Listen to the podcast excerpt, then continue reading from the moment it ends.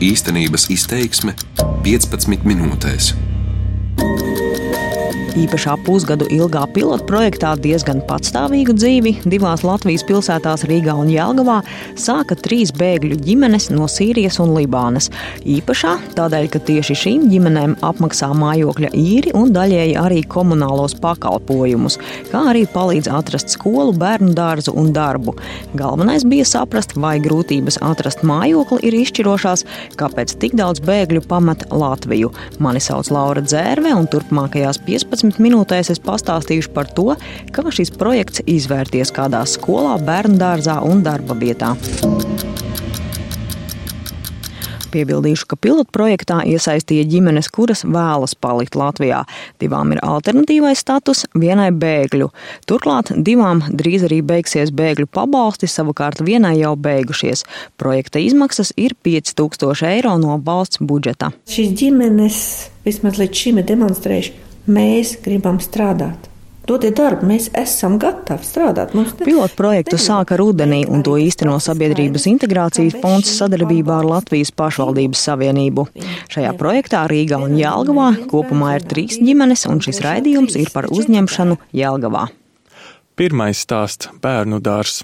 Lai adaptētos bērnu dārzā, dažiem mazuļiem nepieciešams mēnesis, dažiem pat pusgads, taču mazajai meitenei no Sīrijas bēgļu ģimenes četras nedēļas bērnu dārzā kāpēcīši Jelgavā. Viss bija tāds kā brīnums, uz visu skatījās, un tas pirmās dažas sniega pārslas, kā mēs skatījāmies, kā viņi brīnījās par tām dažām sniega pārslām. Ja, jo, Iestādes vadītāja Lāsma Lipiņa teica, ka ilgi sagatavošanās darbi nebija. Jelgavas pašvaldība bija iesaistījusies pilotprojektā, un šajā bērnu dārzā bija brīnums brīva vieta.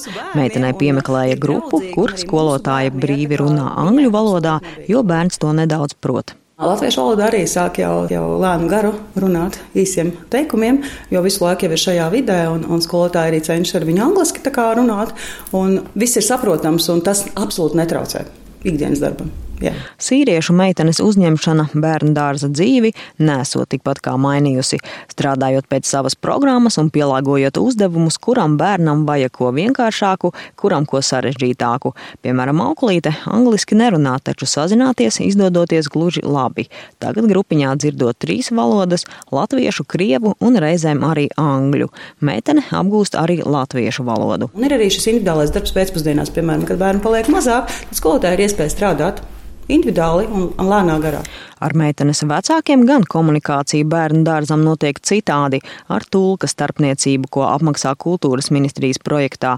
Viņi runā tikai arābu valodā un latviski pagaidām runājot maz. Vai nu tas ir telefoniski, mēs izskaidrojam, kas ir vajadzīgs, un tālāk tas tulks sazinas ar ģimeni, vai arī tad klātienē organizējam tikšanās, un tad ir tulks blakus, un tad mēs arī izrunājam klātienē.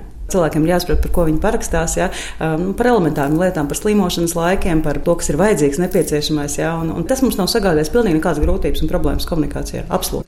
Tāpat kā citus bērnus, sīriešu meiteni bērnu dārs iesaista visos pasākumos, arī Mārtiņu, Miķeļu un Ziemassvētku svinēšanā. Redzot to, ka Ziemassvētku pasākumā meitene tik forši dziedāja Ziemassvētku dziesmas kopā ar, ar mūsu bērniem, ja? un mammas prieku acīs, ja es pavēroju vienkārši viņa stāvēja kājās un filmēja to savu meitnīti. Ja? Un var redzēt, redzēt, cik viņi ļoti bija priecīgi. Viņai mirdzēja acis, tā, tā prieka sajūta, ka bērns ir iekļāvies. Nu, viņš nekādā veidā neatšķirās. Ģimene ir musulmaņi. Viņi nēda cūkas gaļu. Šī ēdiena izslēgšana no viņu bērna ēdienu kartes bijusi vienīgā vecāku prasība. Naudas ziņā tas absolūti neko nemaina. Mēs pielāgojam, mums jau arī ir bērni ar speciālajām ēdienu kartēm. Teiksim, ja ir ēdiens ar cūkas gaļu, viņas porcijā, tad ir vai nu ziltiņa vai vista bez problēmām.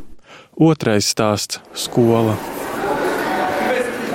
Jelgavas tehnoloģiju vidusskolā mācību procesa individualizācija nav nekas jauns.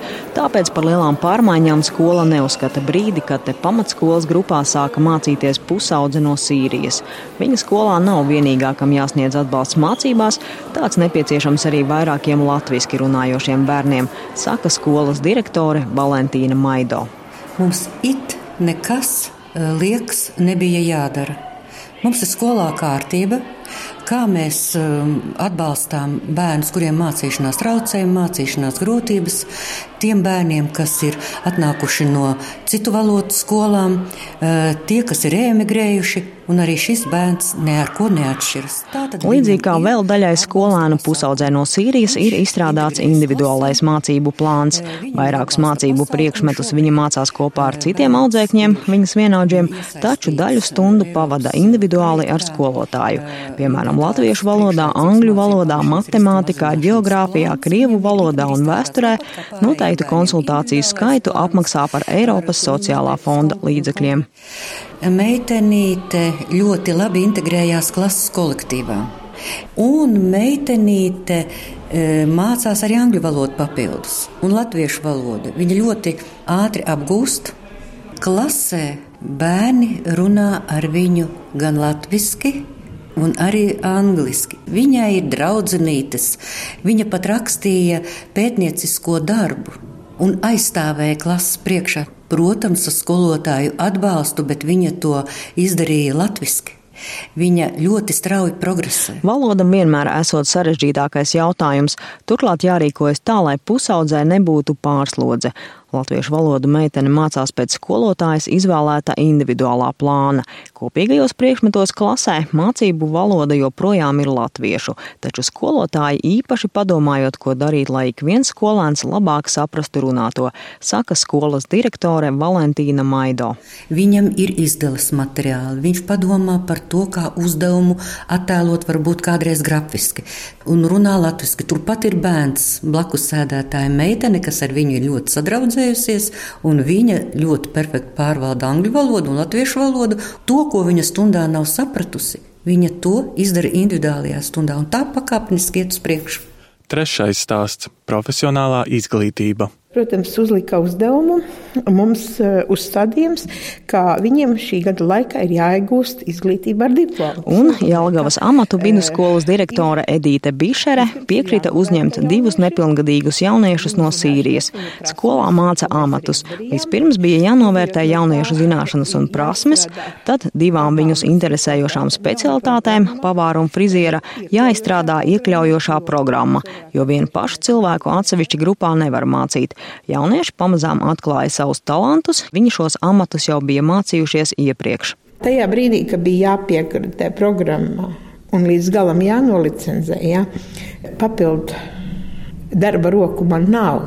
Ir tikai mana administrācijas komanda un metodiķi, kuri, protams, izdara to darbu papildus. Tā ir pilnīgi atsevišķa programma, kur tev jānolicenzē un jāpiekritē. Tas nav tā. Divu cilvēku dēļ. Jā, jā, jā, jā, jā, jā divu cilvēku dēļ. Iekļaujošo izglītību kā apmācības veidu skola nekad nebija izmantojusi, tāpēc smēlās pieredzi Ozolnieku vidusskolā. Taču viss, kā saka skolas direktore Edīta Bišere, ir izdarāms. Turklāt profesionālā izglītība vēl nekad nav bijusi tik dinamiska kā tagad. Arī mēs aizbraucam sešā valstī vienkārši darām, jo nav jau citas iespējas. Arī maniem Sīrijas jauniešiem dod uzdevumu. Viņi šo uzdevumu izlasa, viņiem paskaidro skolotājs angliski vai audzēkņi blakus strādājot pāri, ja, un audzēknis izdara tieši tik, cik labi vajadzīgs.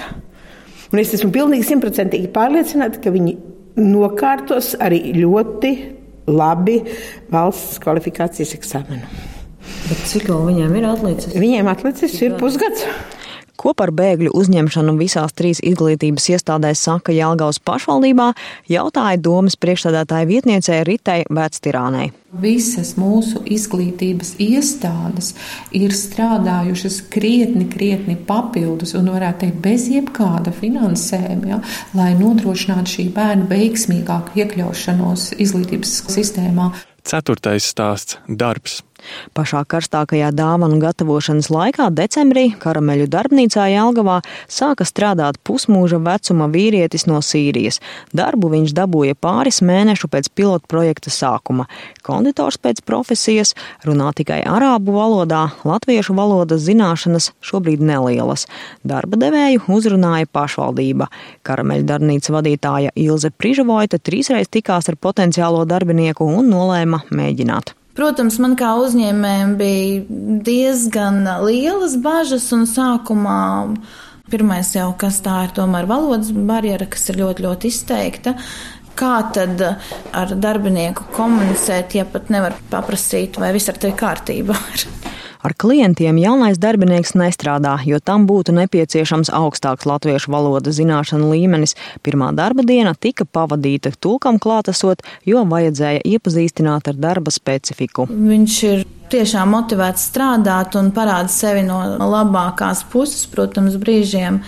Ir nedaudz ar humoru piestienu, pat brīžiem ir jāpaspēlē mēmais šovs, lai kaut ko saprastu. Iespējams, uzņēmumam interesētu Sīrijā iemīļotu saldumu gatavošanas prasmes, ko darbinieks varētu piedāvāt, pamēģināt sadarbību šādā jomā, gribot abas puses. Mums nav bijis laiks šajā mēnesī paeksperimentēt, bet mēs noteikti, noteikti to izdarīsim. Taču skaidrs, ka cilvēks strādāt vēlas un pat vēl vairāk stundas, lai nodrošinātu savu ģimeni. Alga ir tāda pati kā citiem tādas pašas kvalifikācijas darbiniekiem. Summu darba devēja neatklāja, taču var spriest, ka tā ir starp minimālo un vidējo algu Latvijā. Par bēgļu pieņemšanu darbā uzņēmumam nav nekādu labumu. Vai viņš spēj šo darbu veikt un kā vispār ir? Nekādas mums atbalsta sistēmas nav. Tā kā visiem jāmaksā visi darba nodokļi un nekāda atbalsta nav. Lai gan es saprotu, ka ja viņš nāktu, piemēram, janvārī strādāt, tad iespējams caur nodarbinātības dienestu ar kaut kādu projektu starpniecību mēs varētu iegūt šīs subsīdijas. Bet ņemot vērā, ka viņš nāca decembrī strādāt, mēs no tā visa tā kā izkritām. Proti kvotas gada beigās beidzoties. Sabiedrības integrācijas fonda pārstāve Alda Sebre norāda, ka visās trīs pilotprojektā iesaistītajās ģimenēs no Sīrijas un Libānas aug vairāki bērni. Nevelti arī šajā raidījumā bērnu ir daudz, taču, lai pasargātu viņu identitātes, neatklāšu, vai tā ir viena ģimene. Visi iet skolā vai bērndārzā un visās ģimenēs bērnu tēvi strādā. Vienā ģimenē teica ceļās piecos no rīta un divas stundas viņam jānokļūt uz darbu un strādā fizisku darbu, smagu darbu. Viņš ir gatavs vēl, nu, kur tikai. Ja? Bērnu tēviem galvenais bija atrast darbu vispār un pēc iespējas ātri, lai nodrošinātu savas ģimenes. Mātes pagaidām vēl nestrādā, jo viņas mācās latviešu valodu, lai iegūtu konkurētspējīgāku darbu. Viena no viņām pēc profesijas ir friziere, otra ekonomiste un trešā konditore. Taču sešus mēnešus plānotajām pilotprojektam jābeidzas jau pēc pāris mēnešiem, februāra beigās, un par to raizējas personas ar bēgļu vai alternatīvo statusu. Tas nozīmētu to, ka par dzīvokļu rēķiniem būtu jāgādā pašiem. Pašvaldības savukārt bažījas, ka pēc pilotprojekta beigām viss paliks uz pašvaldības pleciem, saka Alda Sebre. Viņi taču nemetīs ārā piemēram ģimenes ar bērniem. Ja? Risinās patvērsme. Patvērsmes mums jau ir vīrieši vai sieviešu bērniem. Ģimeņa patvēršana mums nav. Šajā pilotu projektā pašvaldībām ir liela loma. Jelgavs sagādāja pašvaldības mājokli, Rīgā savukārt īrēja privātajā sektorā. Pašvaldības arī iesaistīja atbildīgos dienestus, sociālo un izglītības, stāsta Jelgavas domas priekšsēdētāja vietniece Ruta Vectirāne. Šobrīd tas jau valdības līmenī ir izsnāms, pa cik kādu periodu pagarināt šo projektu īstenošanu, bet manuprāt, ka tā pilnībā un tāda objektīva objektīva aina parādītos tad, ja mums vēl mēs īstenot visu šo gadu. Atbalsts mājokļa īrei bēgļu ģimenēm uz laiku ir nepieciešams kaut vai daļējs, secina Sabiedrības integrācijas fonds. Līdzīga pieredze ir arī Lietuvā un Igaunijā. Turklāt svarīgi ir slēgt līgumu ar šīm ģimenēm, iestrādājot pienākumus un atbildību. Mēs jums apmaksājam dzīvokli, jums jāmācās latviešu valoda un jāstrādā. Tiesa latviešu valodas apmācība ir sāpīgs jautājums. Līdz ko atrod darbu, nodarbinātības valsts aģentūrā to vairs bez maksas nevar apgūt. Jālgaus pašvaldība uzsver palīdzību tieši sākuma posmā. Tāpat arī valstī esot nepieciešams regulējums par palīdzību dzīvokļu jautājumu risinājumā un lielāks atbalsts izglītības sistēmā, saka Rita Vectirāne no Jālgavas domes vajadzīgs vēl papildus nodarbības un speciālistu konsultācijas pedagogiem, pašiem, būtu jāsaprot, kāda normatīvais eh, regulējuma grozījuma būtu vajadzīgi, lai mēs eh, varētu nodrošināt šim bērnam, nu, varbūt um, saudzējošāku režīmu visu mācību procesu vai mācību satura apguvēju, izlīdzinātākā posmā. Tāpat arī iespējams jādomā par subsidētām darba vietām, ko raidījumā arī sacīja uzņēmēja. Secinājumi ir daudz, un vēl vairāk tos dzirdēs janvāra beigās, kad premjeram Sabiedrības integrācijas fonds iesniegs pārskatu. Taču vismaz no pašvaldības puses izskan, ka projektu būtu vēlams turpināt. Taču ko iestādēm, bērnu dārzam un skolām nozīmē šis projekts? Lai arī tās izteicās, ka nekas daudz jau nemainījās, viss ir paveicams un pilnīgi visās ir cerība, ka jaunieši sekmīgi pabeigs mācību iestādi, var teikt, ka tomēr svarīga būtu sistēmiska pieeja, nevis tikai katra iniciatīva. Šo raidījumu veidoja Laura Dzērve, par labskaņu rūpējās Kaspars Groskops. Darbības vārds īstenības izteiksmē izsaka darbību kā realitāti. Tagatnē, pagātnē vai nākotnē, vai arī to noliedz.